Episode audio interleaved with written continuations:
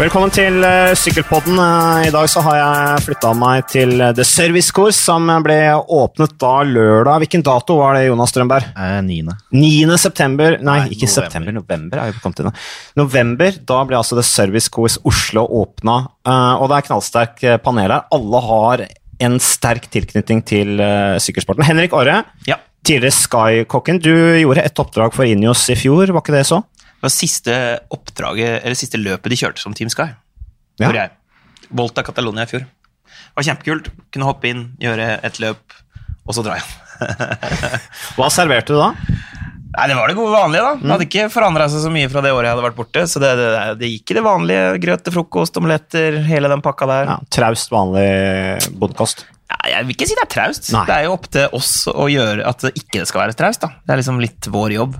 Så det er der på en måte kreativiteten kommer inn, da, for å gjøre at uh, et, gutta skal bli sugne på å spise, i hvert fall. Du kan gjerne komme hjem og servere meg graut Ja, ja, en dag. Og så er det. det, så er det Gabriel Rask, som jo er Apropos Inus, du er jo Inus-direktør, faktisk. Ja, jeg er det, og uh, kommer til å fortsette med det. Ja, så bra. Ja. Ja, du har det bra. Ja, jeg har det. Vi er tidligere lagkamerater fra Ringerike sykkelklubb, Gabba. Vi, jeg traff deg på min første, første sykkeltrening. Det var altså i ja, back in the jeg husker ikke hvilket år det var. La oss snakke om noe annet. Men Jonas, du har jo vært på Sykkelpodden før. Det har for øvrig du også vært, Gabba. Eh, Vi har akkurat blitt servert eh, deilig cappuccino. Her er det klasse på alt. Dere kommer til å få en regning av markedsavdelinga til TV 2. det er helt sikkert det her. Så Service Course ble altså åpna 9.11. Det er kjempeflotte lokaler. Her henger det panormaltøy, det er sykler, det er eget rom for å kjøre Swift. Her blir det, gruppe, her blir det gruppeøkter, Jonas. Her kan man trene. Gruppekjør. Her blir det hardkjør, i hvert fall. det blir knallbra. Eh, Henrik, det, det ryktes at du starta arbeidsdagen her på The Service Course med en økt på Swift, stemmer det? Stemmer det. Vi prøvde å flaks. Prøve, ja, det var flaks. Vi må prøve å holde oss litt i form, så jeg fikk en liten økt eh, før vi åpna butikken i dag, klokka ti. Hva ble snittvatten? Nei, du, det husker jeg ikke. Den tar vi ikke her nå. Nei, du husker ikke. Det er ganske vanlig svar. Jeg er der, jeg også, altså, når folk spør meg om, eh, om det. Så. Det var lavt, sikkert. Gabba, åssen er det med deg og snittbatt om dagen? Hva ligger du på? Nei, jeg kjører aldri under 300 når jeg trener. Så Steady det blir over, over 300, da. Men uh, sykler ikke så langt. En dag uten 300 watt er en dag uten mening. Ja, det er jo eh, de fire G-er som vi har snakka mye om. Ja, det er god, gammel gabba-gamp. Stemmer. Ja. Men vi har litt temaer nå. Uh, vi må snakke litt sykkel, uh, i og med at vi har såpass sterkt uh, panel. Um, vi går rett på sak, snakke nyheter. Og dette her er jo litt spennende, Gabba, å høre på din mening om det, for at du er jo Inios-direktør. Uh, Inios har blitt kritisert litt for det at dere kjører litt sånn maskinopplegg. At dette gutta er maskiner. Nå skal vi høre din mening på dette her. Jean René Bernadot, uh, sportsdirektør da i, uh, i Total uh, Direct Energy. Han eh, vil ha mer Heter det panache eller panasje? Bra spørsmål. Det er vel eh, Panache. Panache. Han vil ha mer Panache. Mindre rittradioer. Eh, og Bernadot var en rytter på 70-80-tallet. Er som sagt manager i dette Total Direct Energy. Han er lei av radiokontrollerte ritt. Han vil ha flere ryttere som Pinot og à Philippe, med, med passion. Publikum elsker det, sier han. De skaper uforutsigbare angrep som inspirerer. Og han er jo da Han, han ble selv inspirert veldig i årets Tour de France. og det var redningen for ham, for han var veldig frustrert over egne ryttere. Så han satt da egentlig og gledet seg over da à Philippe og Pinot. Syns vi skal ta med Eh, og- Egan Bernal på det. Jeg syns vi skal ta med Egan Bernal på, på den offensive kjøringa. Ja, du syns det? Ja. ja, jeg er helt enig. Og så kan han jo skrive under på at ingen av de to han gleda seg til å se, kom seg så vidt i mål. Så Han ene kom jo ikke i mål. Nei, så Hvor, hvor stor panasje er det? Nei, det er jo litt av gamet nå, da. Man skal jo helst eh, komme seg til mål òg. Ja. Hva tenker du, Gabba? Du sitter der helt Du er så vant til å høre den kritikken at du Ja, jeg, No tror vel, comment, eller? jeg tror vel egentlig at vi bruker jo veldig mye tid på å planlegge. Eh, som eh, noen av de gamledags lagene kanskje ikke gjør. Eh, planlegge hva vi skal gjøre, planlegge eh, Vi bruker mye tid på recon, mye tid på å se gjennom løypene og, og eh, analysere eh, hvordan vi skal angripe eller eh, beskytte. Så um, nå går det jo ikke etter planene, stort sett, men det er veldig viktig å ha en plan. Dere prøver i hvert fall å ha en plan, ja. Mm. Vi prøver å ha en plan, og da er det mye lettere å eh, Den planleggingsprosessen eh, gjør jo at du er mye bedre forberedt på eh, uforutsette ting som kan skje. Men eh, når det gjelder vatt og sånne ting, så er jo det, det er jo et hjelpemiddel eh, i treningshverdagen og i løp. eh, så jeg vet ikke om vi Det er vel litt sånn eh, Litt sånn de liker å si at vi bruker det mye mer enn andre. Men jeg, vet ikke om vi egentlig gjør det. Er ikke litt av årsaken til fremgangen blant franske ryttere at de nettopp har begynt å bruke wattmålere og bli litt mer systematiske, de også? Men jeg tror nok kanskje det òg er litt sånn eh, Det er lett å, å, og, s- eh, For å sette et nummer på ting og for å sette et tall på ting, så kan vi si at uh, hvis du kjører et langt fjell og noen angriper med 1000 watt, liksom, så Og da bruker vi watt og sier watt, men vi kunne liksom godt sagt uh, kilometer i timen hvis de angriper i 40 km i timen opp et 10 km langt fjell. Det er ingen som klarer å gjøre det. Og da betaler du prisen etterpå. Så um, Og da kan vi si watt, da, hvis du, hvis du går etter det angrepet og sykler 550 watt, f.eks., så vil du ta igjen den personen som angriper, til slutt. Og han eh, har jo da melkesyre opp etter øra, så det er litt mer sånn kanskje vi bruker det. Ja. Er det noe du vil legge til der, eh, Henrik eller Jonas? Nei, men jeg vil jo dra fram litt med det, hvis man har sett på sykkel i hele år, at det er en del andre lag som også planlegger, da.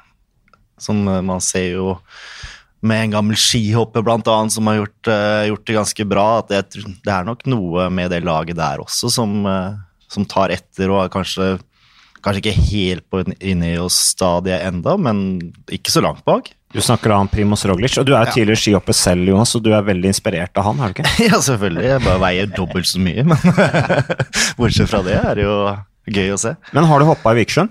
Eh, Bare den ved siden av den store. Ja, men det har Primus Roglic òg. Han, ja, han har hoppa i Skifersbakken òg. Ja. Ja. Så, men eh, det var en avsporing. Men uh, Bernadot prøvde for øvrig å signere Ala Filip. Ja. Men det ble tydeligvis Jeg vet ikke hvorfor det gikk i vasken, om det var fordi Ala Filip ikke ville, eller fordi det ble for dyrt, eller Total Jeg vil jo tro at han har økonomiske muskler til å kunne signere en rytter som Ala Filip hvis det handlet om økonomi. Jeg vet ikke, Har du hørt noen rykter om det, eller, Gabba?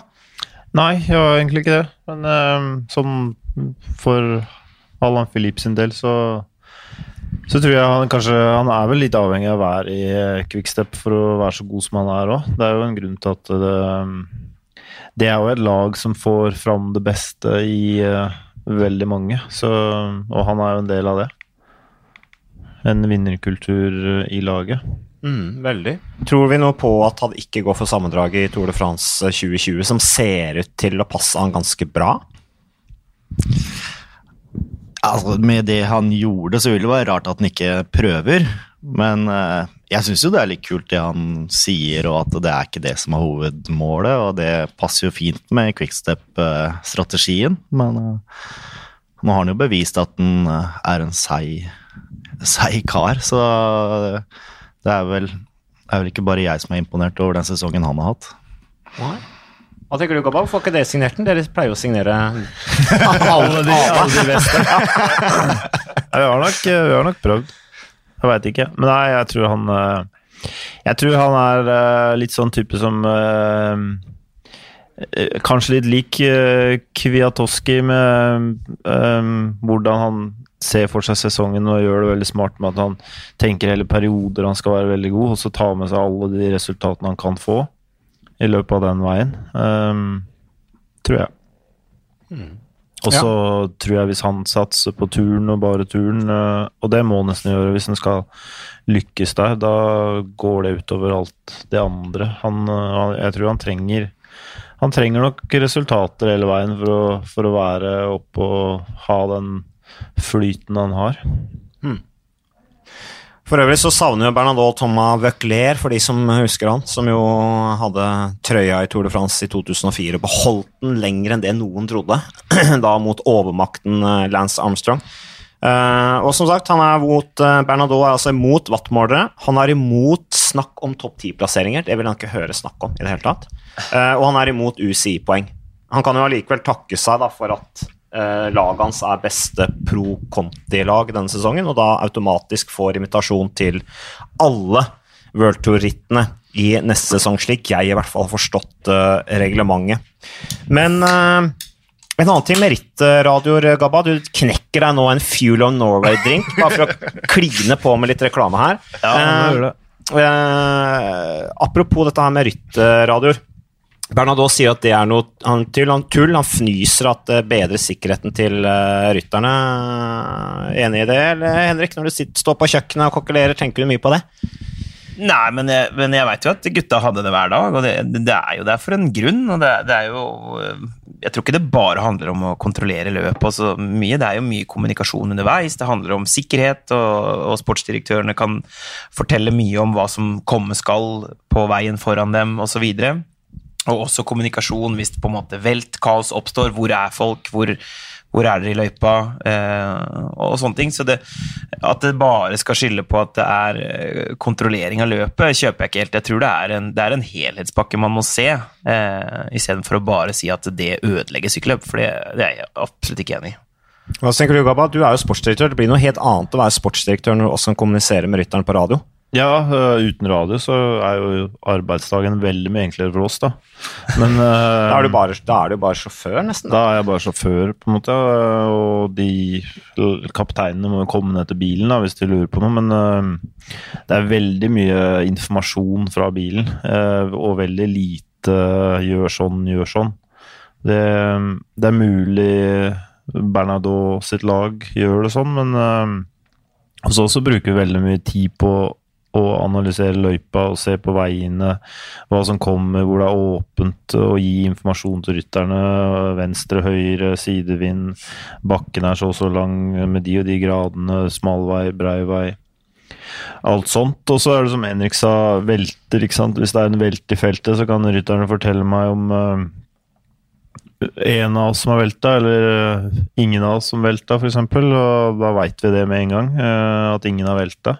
Er det en som har velta, så kan legen begynne å løpe til eh, velten med en gang, og mekanikeren kan løpe til velten, så eh, Og i noen løp så kan det jo komme en sjukebil eh, i motfeltet, f.eks. Eh, vi kan gi beskjed om det. Eh, og det er greit for rytteren å vite at det kommer en sjukebil eh, i 60 km i motsatt vei. Ja, det gjør det jo langt mindre spennende når den kommer, men uh, det rytterne minst vil høre, Gabba, det er vel uh, at du sitter der og maser. Heia! Kom igjen, nå! Tro på deg selv! Få ut det beste i deg selv! Og så spiller du sånne Eye of the Tiger, og det er ikke sånn du jobber, er det det? Nei, det er jo ikke helt meg, det. nei, nei. nei er, du holder deg til fakta, liksom? Ja, nei, uh, mot slutten så kanskje det er litt mer sånn Det er jo nok i fjellene og sånn, men uh, de vil jo eh, De vil jo ha mest informasjon, egentlig. Og, uh, og så er det jo noen taktiske grep underveis, selvfølgelig, da. Det er jo vi i bilen som til syvende og sist bestemmer hva vi skal gjøre. Hvis det ikke er en veldig sterk og god lagkaptein i laget som, som er 100% sikker på hva han skal gjøre, så, så må de ha råd fra, fra oss. Det er, da tenker jeg vi er ferdig med Bernadot. Er vi enige i det, eller? Ja.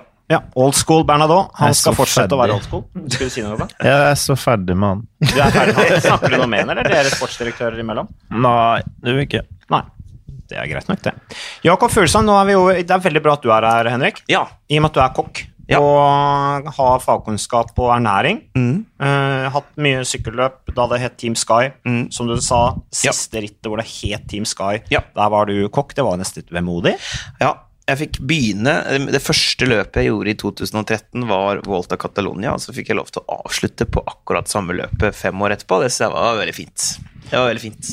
Catalonia, du har jo litt sånn eh, nærhet til Catalonia du òg, Jonas. For du har vært mye nede i Girona. Ja. Hva har du holdt på med der?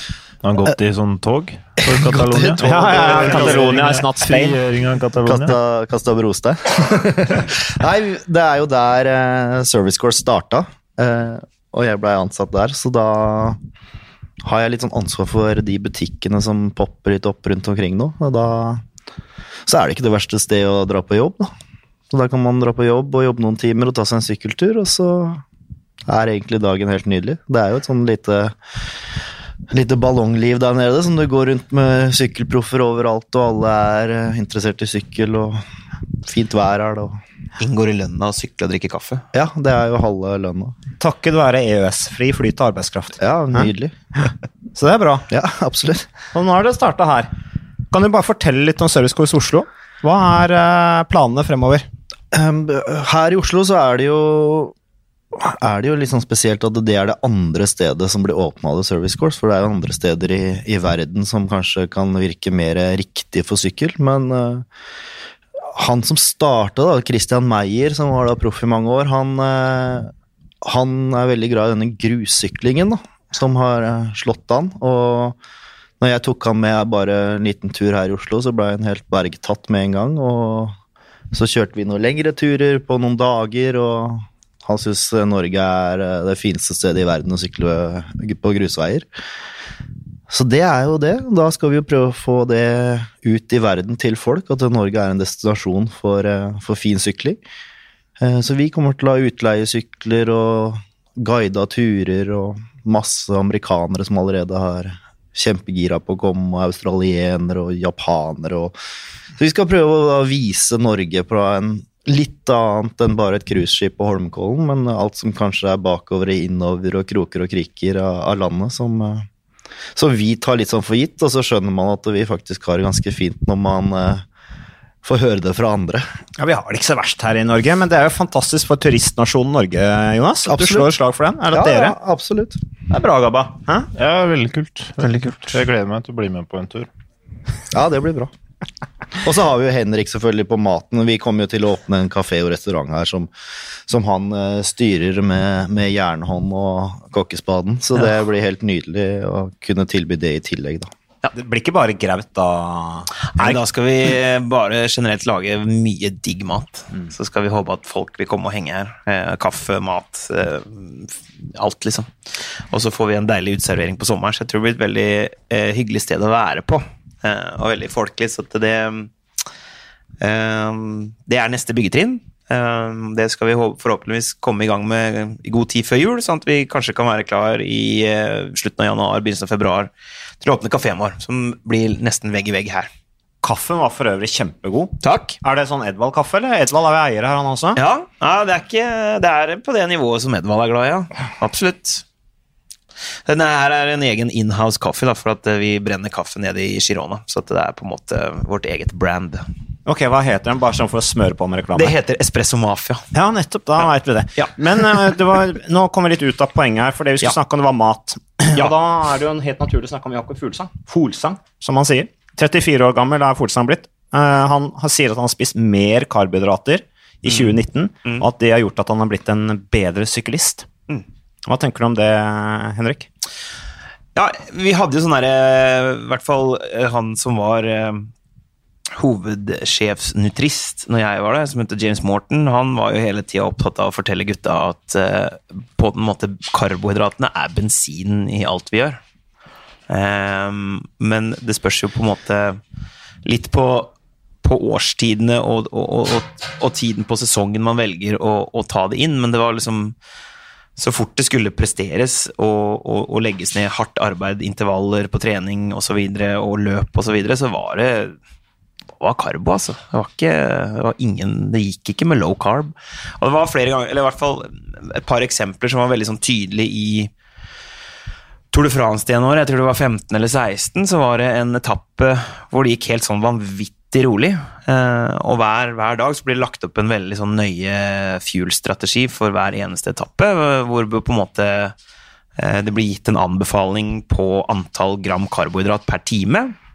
eh, Som ofte ligger på rundt 70-90 gram, avhengig av hvor langt det skal kjøres, hvor høyt det skal klatres osv. Så, videre. så var det en etappe det bare gikk sånn, her, var sånn helt lunketempo. Så de fleste av gutta slurva ganske mye med å spise. Og så når vi kom til siste 30-40 km, så gikk tempo helt vanvittig opp. Det bare eksploderte. Jeg tror det var Sagaen og de gutta som satte i gang kjøret. Eh, og så hadde gutta spist for dårlig i løpet av hele dagen, og de kom inn altså som noen slakt eh, de siste kilometerne. Eh, og var mer ferdig etter en sånn etappe enn etter en lang fjelletappe og hard, når de på en måte hadde spist og gjort det de skulle hele veien. Da. Så det var veldig interessant å se, for du fikk det svart på hvitt med en gang. Og de spiste en middag den kvelden som var helt sånn herre What? At de var sultne? Ja, dritsultne. Ja.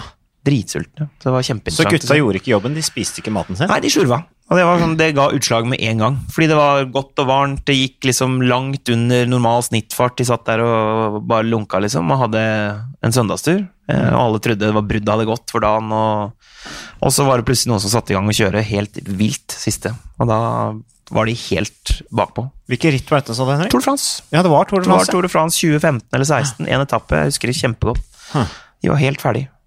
Så da er 15, slurving, 11, altså. Man 16, da husker du ikke så sånn, godt. Nei, det er klart, de, er jo, de tenker jo på vekta si hele tida, ikke sant. De er jo livredde for å gå opp i vekt, og de er jo skrapa alle sammen. Eh, ekstremt skrapa i turen. Så eh, alt er jo De veies jo på morgenen og veies etter, eh, etter hver etappe for, å, for at vi skal ha full kontroll.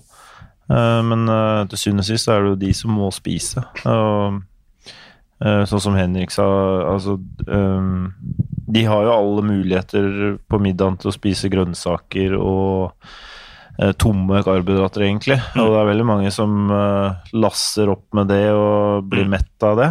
Ja, grønnsaker altså. Og Ja. glemmer å spise det som faktisk trengs, da. Rene karbohydrater. Så mer pasta, ris type er det du sier, altså? Ja. ja. Mm. vi, vi, Old school, altså.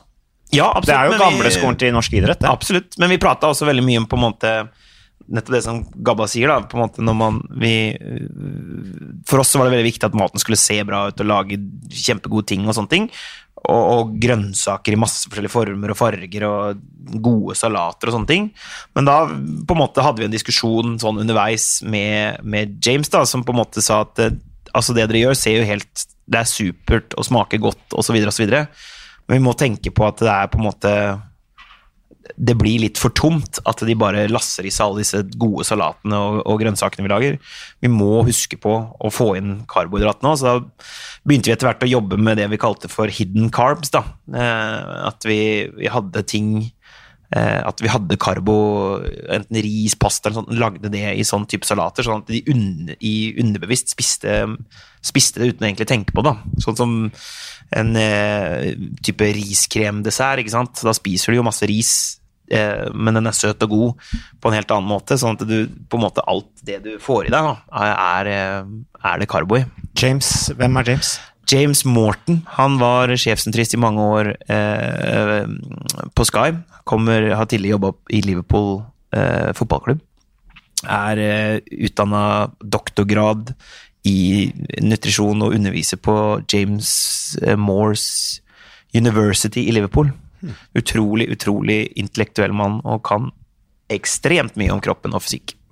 Det er jo sånn, Hvis du virkelig skal vil lage jordskjelv i dag, eller virkelig lage drama, så gjør, bruker du den strategien der på Vestkantfruene. Ja. Se hva som skjer da, liksom. Nydelig. Verste du kan gjøre. Nydelig. Ja. Ok, så dere lurer i rytterne karbohydrater, altså? Ja, ofte så kunne vi gjøre det. Eh, Sånn at de på en måte mm, Uten å tenke på det, så tok de noe som var veldig karbohydratrikt. Så det var helt innafor. Og Jonas, Vi, jo, vi har jo nå liksom de siste åra har vi hatt mer tilnærminga er mer å lære rytterne mer. Ja. Ikke bare servere det, liksom. Nei. Og, og også skille veldig mellom treningssamlinger og løp Ja. på hva de eh, får servert. så gutta går i skole, altså? Når Ja, de er på samlinger, klart. og skal- har, dere, har dere på en måte type foredrag og sånne ting, eller er det bare sånn mer én-til-én-type? Mer én til én, og han er ernæringsfysiologen da, som uh, tar for seg én og én, ja, og lærer de opp. Ja, Det, på en måte, det, det, på en måte det, det svakeste punktet var jo alltid når gutta er hjemme, da. Når ikke man er med laget. Uh, at det, man må på en måte lære de litt grann, og enkle ting som de kan, eh, så de spiser bra hjemme. Og så er det vanskelig, for det er jo ingen som er like heller. Nei. Eh, så det er liksom ikke en formel man kan følge. Eh, så en rytter eh, For eksempel, vi har jo eh, han ernæringsfysiologen er jo med i alle Grand Tours for eksempel, hele veien. Eh, og hvis det er en rytter som ikke har kjørt Grand Tours før, og ikke, kanskje ikke har vært så mye med han, så, så er det et løp som blir lagt opp i starten av løpet, liksom, og så blir det jo veid hver dag, og så må man følge den kurva. Kanskje man spiser litt mer eller litt mindre. For at man ikke skal legge på seg eller gå ned i vekt, da. Men her blir det servert karbohydrater da, Jonas. Her blir det det, ja. Ja. ja. Her blir det det motsatte av den skihoppdietten som jeg eh, Ja, det var røyk og snus, var det ikke? Ja, snus, og så var det én brødskive hvis det var normalbakke, og to brødskiver hvis det var storbakke. For da måtte du ha litt mer konsentrasjon. Hva var det du hoppa best på, forresten? Én eller to brødskiver? Eh, det var, hoppa jo lengst på to brødskiver for større bakke. Ja, ja. ja. Mer fart. det jo fart. Hoppa kanskje litt bredere. Ja, mye bredere. Men uh, hvordan kommer det til å legge opp her når folk skal ha grusritur sånn? eh, er det sånn at man spiser frokost her og alt, eller? Her har vi alt. Ah, ja, absolutt, hvis man vil det. Så vi kommer til å åpne klokka åtte om morgenen. Så her eh, gir veldig gjerne at folk kommer og spiser en god frokost og tar en kaffe og sånne ting. Og så er- blir det vel sikkert sånn i titida blir vel en vanlig tid vi kjører ut. Og så litt an på lunsj på Kikkut eller en kaffe på Kikkut og sånn på veien hjem. Og så afterbike eh, med fulle rettigheter når man kommer tilbake. Med øl. Ja ja, seff. Hva slags øl kommer du til å servere da? Du, vi, har, øh, vi kommer til å ha det nordligste bryggeriet i Norge. Vi kommer til å ha Mack, eh, som har et veldig kult eh, mikrobryggeri i det store bryggeriet sitt. Eh, og de har veldig passion for musikk og sånne ting. Så nå, og det er en stor symfonisk greie, det her med ølbrygging. sånn at de, eh, for å gjøre ølet ordentlig godt, så spiller de plater når de brygger. Eh, og det må være vinyl. Og det er visse rockeband og sånn som går igjen. Og så har de, har de, jeg tror de har fire eller fem sånne store bryggekjeler da, som de brygger i. Og de er alle oppkalt etter rockestjerner. Det er liksom Lemmy, og det er Dave Grohl og sånn som de brygger i. Ehm, og så står det på etiketten eh, 'Dette ble spilt under brygget'. Og så er det en sånn liten barcode, så kan du skanne, og så får du da spillelista. Så kult, da. Så det støtter vi fullt ut. Det er rock'n'roll, og det liker vi. Da, Det blir jo alt det beste i verden, tenker Ja. jeg da. Eh, Ja. God frokost, sykkel, Ja. sykkeltur i Ja. marka, og så Og så mat skal vi selvfølgelig vise alle de store sykkelløpa under hele våren og sommeren. På, og ha litt meny knytta opp til de eh, tinga der. Ja, for da blir det giroen, så blir det mer fokus på Ja, litt sånn italiensk og sånne ting, men, men også eh, spesielt Vi skal, vi, vi, skal ikke ha søndagsåpent normalt, men vi kommer til å ha det på monumentene og klassikerne, og, og da blir det molfritt øl liksom på søndager. Så da håper vi det blir bra stemning. Det blir det garantert. Drømmejobb. Drømmejobb. Drømmejobb høres ut som en drømmesenda, det der. Mord fritt og sykkeltur og Ja. Flandern rundt. Altså, det er jo helt Så det er planen. glimrende. Så, men uh, apropos uh, Gabba. Uh, Folsang han har jo forlenga med Astana. Uh, prøvde dere å signere han nå, eller? Eh, ikke som jeg veit. Ikke som jeg veit. Han kunne blitt en bra hjelperytter. Ja, han hadde vært helt konge på laget, da. Men ehm, Nei, jeg tror han er sulten på egne resultater. Altså, eh, og han virker som han trives godt i Astana, så det var nok smart valg, det. Ser du på han som en trussel? Altså, nå, jeg kan jeg bare si litt av hva han sier. Jeg, leser intervju i cyclingnews.com. Da sier han jo at uh, det er OL som er målet for eh, neste år. Uh, vurderer å kjøre giroen eh, som en oppkjøring, men han anser Tour de France som ganske urealistisk i forhold til ambisjoner om OL, i og med at det er avsluttet seks dager før fellesstarten i OL. Så blir jo det krevende. Og så skal man helt ned til Japan osv. osv. Ja. Ja.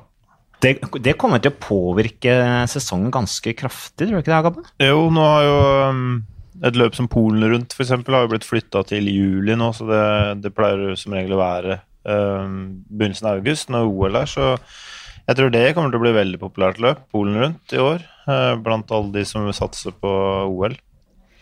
Eh, men eh, jeg tror nok vi kommer til å se de beste i de som kjemper om seieren i Tour de France.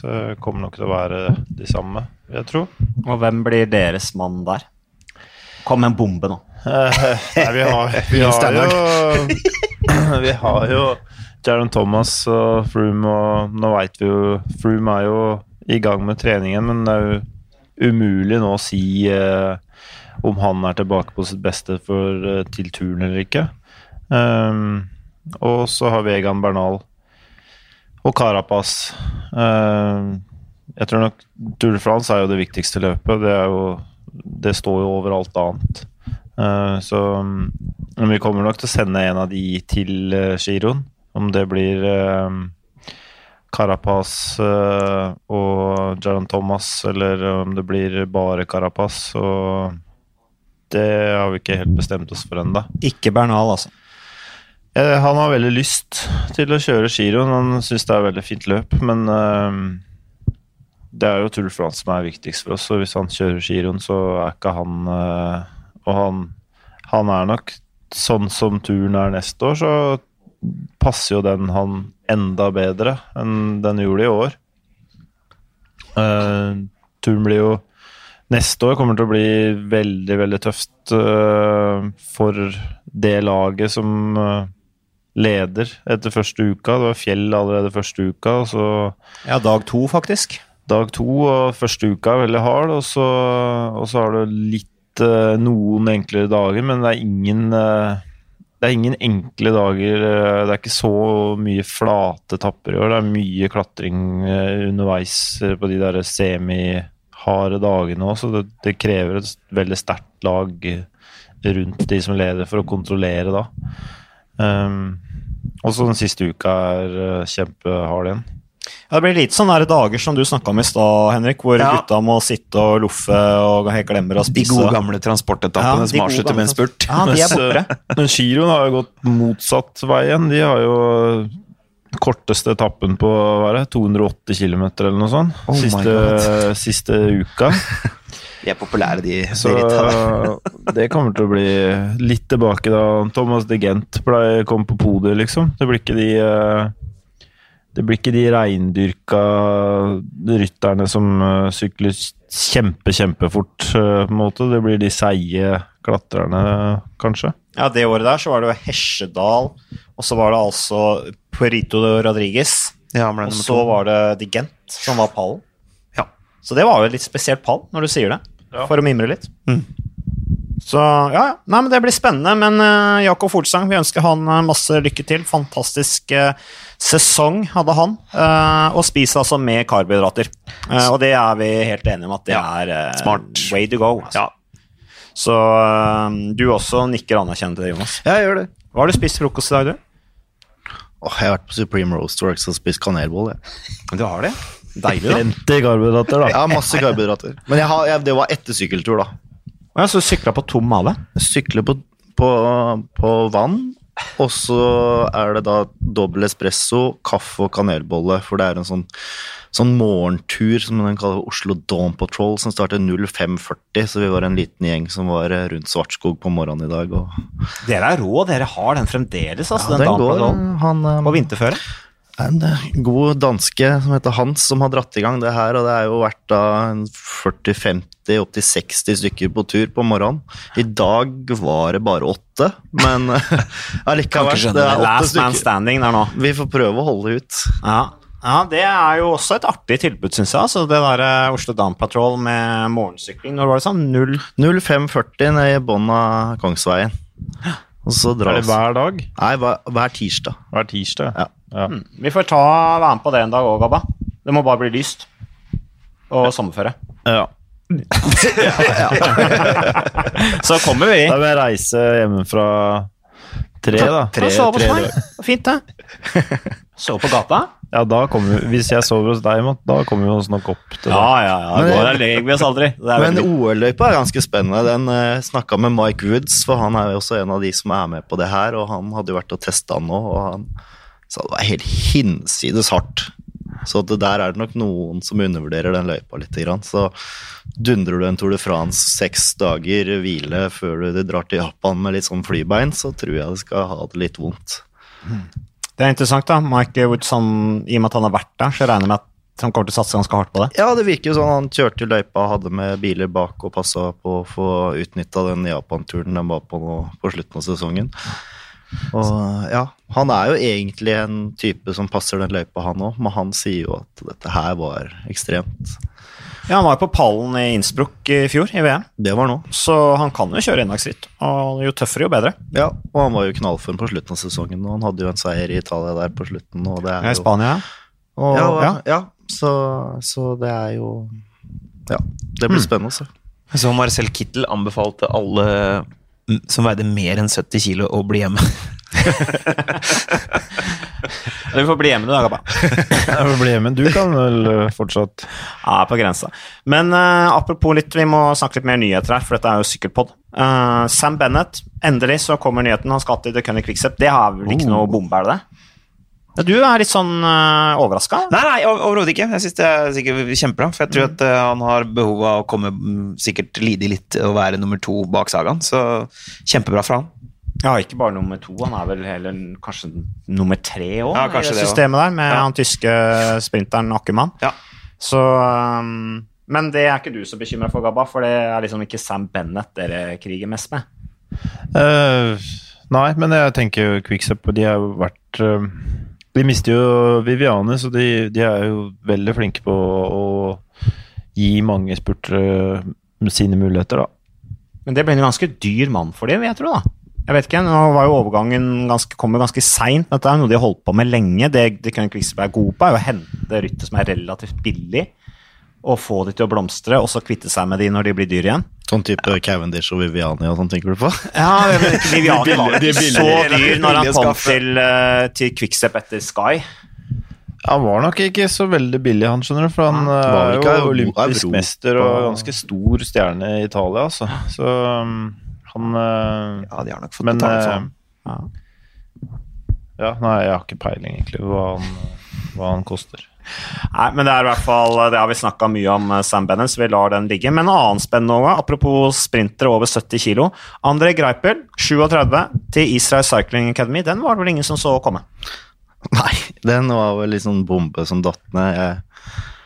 Det blir jo spennende å se hva han får til, da. Ja, Hva Det tror du om det, Jonas? Du som har fulgt Greipel tett.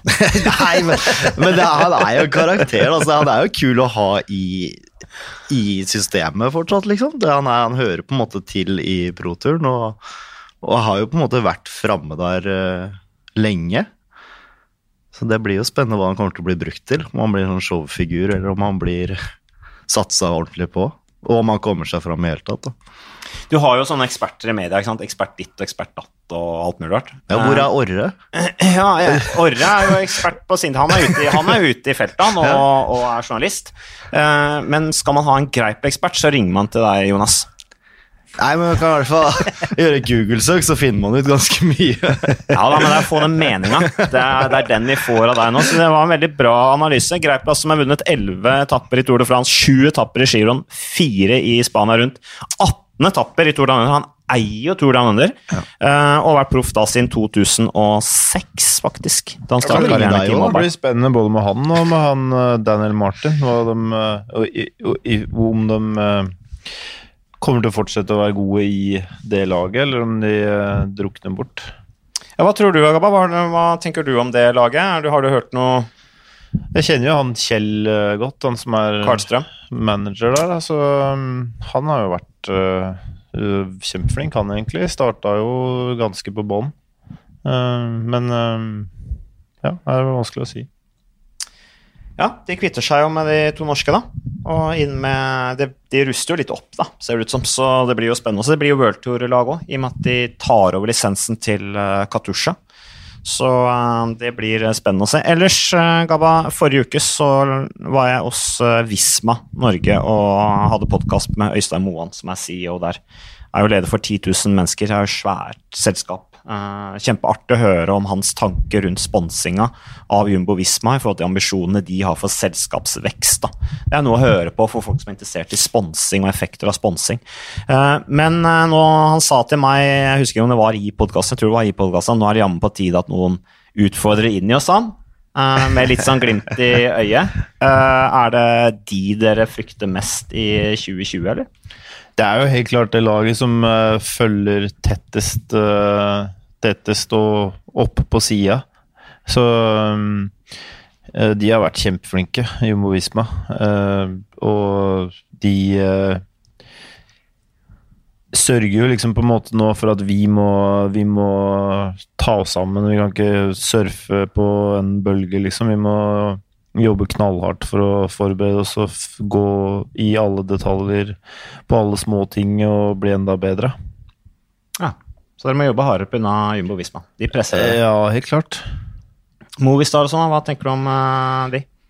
Eh, Movistar er jo litt mer uh, god gamle uh, profflaget, på en måte. Uh, og de har jo noen sinnssyke ryttere, sånn som Valverde, som er liksom en foregangsfigur på det laget, som drar hele laget, liksom. Så, men uh, For Henrik Mass neste sesong? Ja, så de er jo flinke Movistar, trygge, vil jeg tro. Eh, men de òg må jo se seg litt rundt og, og jobbe med detaljene og gå noen hakk eh, opp i hempene.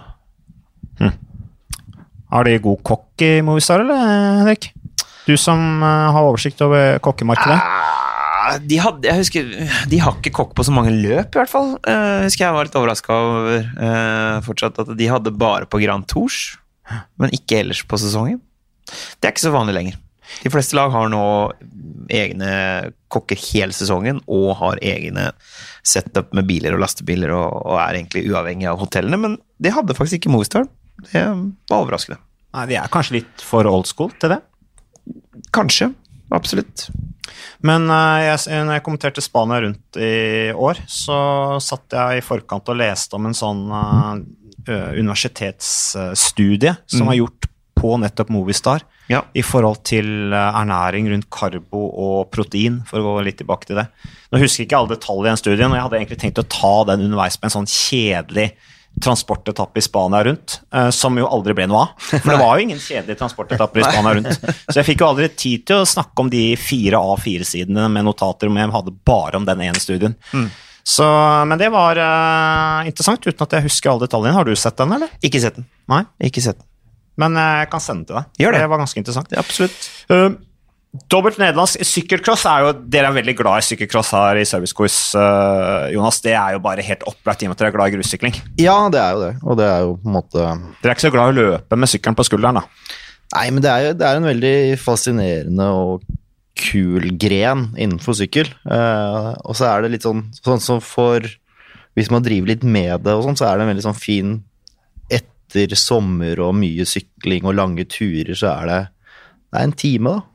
Ja, Vi finner mye god trøst i sykkelcross Ja. mens vi venter på langesesongen. Det gjør vi. Ja, og, og sånn som vi arrangerer jo et sånn noe som vi kaller for superpokal på Ålsløkka, som på en måte er eh, utsolgt hvert år, og der kommer jo det kommer litt eh, dansker og svensker som har hørt om det og kommer til Norge og sykler, og det er en veldig kul greie.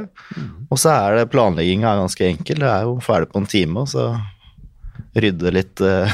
Publikumsvennlig er det. Ja, det er kult arrangement. Jeg var der, for jeg fikk ikke vært der i år. Eh, Har du vært der, Gabba? Superpokal? Nei. Nei, i år var det Hvorfor sier du det er publikumsvennlig da, når du ikke har vært der? De veit jo ingenting om det, du. Jeg har jo sett uh, cyclecrossløp. Ja, ja, og du tenker på cyclecross generelt, ja. Ja, da skjønner jeg. Henrik, var du på superpokal, eller? Ja, Ja.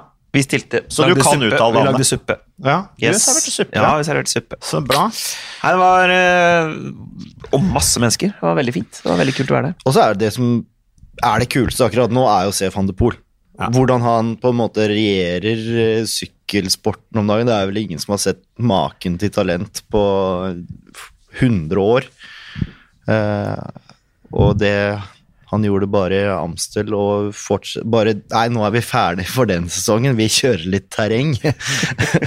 for så å kjøre litt cyclocross på høsten. Så er han jo et unikum for sykling. og ja, det er, det er nesten synd at man ikke er tolv år igjen og har han som forbilde. For er litt, jeg er litt for gammel til å på en måte legge meg i bresjen og prøve å bli som han. Men, eh, men det, det forbildet han er for unge syklister, er jo helt eh, fantastisk. Hvor du kan være god på en landeveissykkel og leke deg og hoppe høyest i terrengsyklingen og kaste litt på sykkelen, for så å stille opp eh, superprestige forrige helg og være så god som han er. Så det er jo helt rått. Ja, han vant jo med en gang, han. Eh, Første ritt han var tilbake Ja, ja, ja. på sykkelcrossen.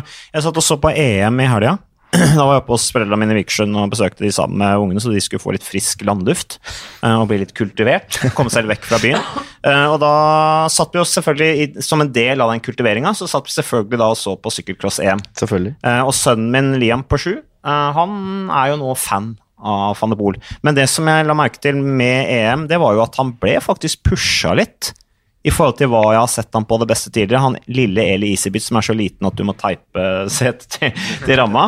Han eh, hang på som en klegg, altså. Så jeg vet ikke om dere så det? Jo, men det, det er jo selvfølgelig noen som vil utfordre han, og det er jo Og så må man jo tenke Han har jo hatt en rimelig lang sesong. Han blei jo verdensmester i cyclocross i februar. Og så har han jo ikke underprestert resten av sesongen, og nå er vi november. Så, så det er jo at han er litt seig uh... Han vant 33 ritt. Altså hvis du tar med da denne sesongen her, da. Verdensmester og europamester i sykkelcross. Han vant worldcupen sammenlagt i sykkelcross. Han ble europamester i terrengsykling. Vant du Amstel, som du nevnte, Jonas. Dward of Flandern, Brabantse Pil. Storbritannia rundt. Eh, så det er jo relativt bra, men er det bra for landeveiskarrieren sin? Altså, hva tenker du om 2020, landeveissesongen til uh, Mathieu van de Poel? Jeg regner med at dere snakker en del om han?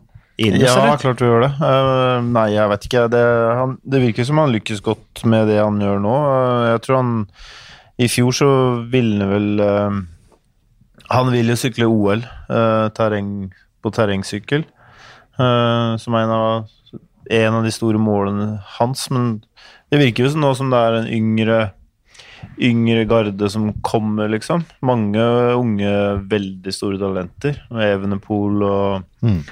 Pidcock og, og flere av de som kommer via cyclecross, egentlig òg. Eller mountainbike. Så, og i Norge også har vi jo mange yngre ryttere som, som er gode allerede, på en måte. Thomas Pidcock, når uh, signerer han? Eh, han eh, kommer vel i løpet av høsten, kanskje. Ja, jeg regner med han blir fint, Fint, fint, lu- fint lurt smil. Fint lurt smil der Agaba. Gabba. Kunne ikke tolkes som en annen måte at her er det ting på gang. Yara Kastelin som vant eh, dameklassen da i eh, EM, og vi sender jo også da worldcupen i Tabor eh, nå til helga, faktisk. Eh, På TV2 Sport, som jo også sender bane. Eh, det kunne vært spennende å se på Mathieu van de Poel hvor god han hadde blitt på, på bane også. Det er jo det eneste vi ikke helt har sett hva han kan der. Men eh, Gabba, du hadde vel ikke blitt noen sånn stor sykkelcrossrytter? Hvorfor sier du det? Nei, det var bare en sånn tanke som slo meg. Det er liksom ikke helt din greie. Du er jo rå på Du er jo på en måte glad i tøft, altså øh, litt sånn nådeløst underlag og søle og brutalt, men det er, det, det er litt for kort. Ja, Og litt det for kanskje- intenst. Ja, det er kanskje. Kanskje jeg hadde blitt bedre hvis jeg hadde trent med på det. Blitt bedre på landeveien. Men, hadde, ja, men hadde du noen gang giddet å trent sykkelcross, liksom?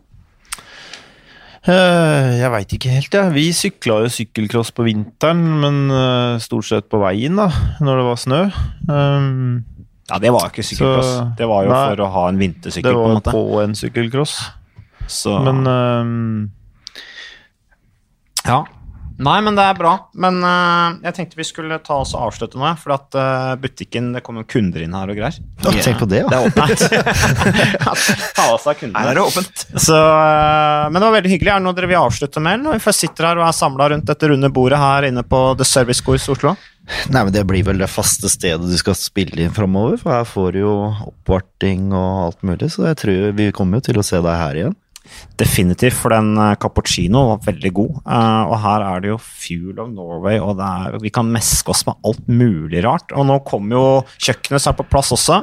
Ja. Og det du sa om maten og Det ølen og ja, Det er helt klart. Det er lett. Du blir ikke sittende i studio i TV 2 da. Vi kan bare rigge opp et sånt permanent studio. Lett. jeg gleder meg til det afterbike. Må du være med på sykkelturen? Nei, nei, nei, nei. Nei, Du slett kan ikke. komme rett på Vi har bare afterbike òg. Men bare for å ta en sånn annen, Er det sånn at man kunne tatt sesongavslutningen for Norgescupen her, eller blir det litt drøyt, kanskje? Dra i gang den gode, gamle cupavslutninga her På på, Kongsberg. Servicekurs. Ja, hvis vi, hvis vi plastrer inn alt sammen, så, så Ja. kan det jo være mulig. Ja. Hvis det bare er et tomt betongskall, så kan vi vurdere det. Ja. Så kan vi bare sette inn noen plaststoler, så tenker jeg hvis, Da står det på mandag. det, da, det kan vi ta med. Da er det greit. Da satser vi på det. Nei, men Da takker jeg for uh, selskapet, karer. Takk for bidraget på Sykkelpodden, og så holder vi kontakten. Takk for oss. Hei. Hei.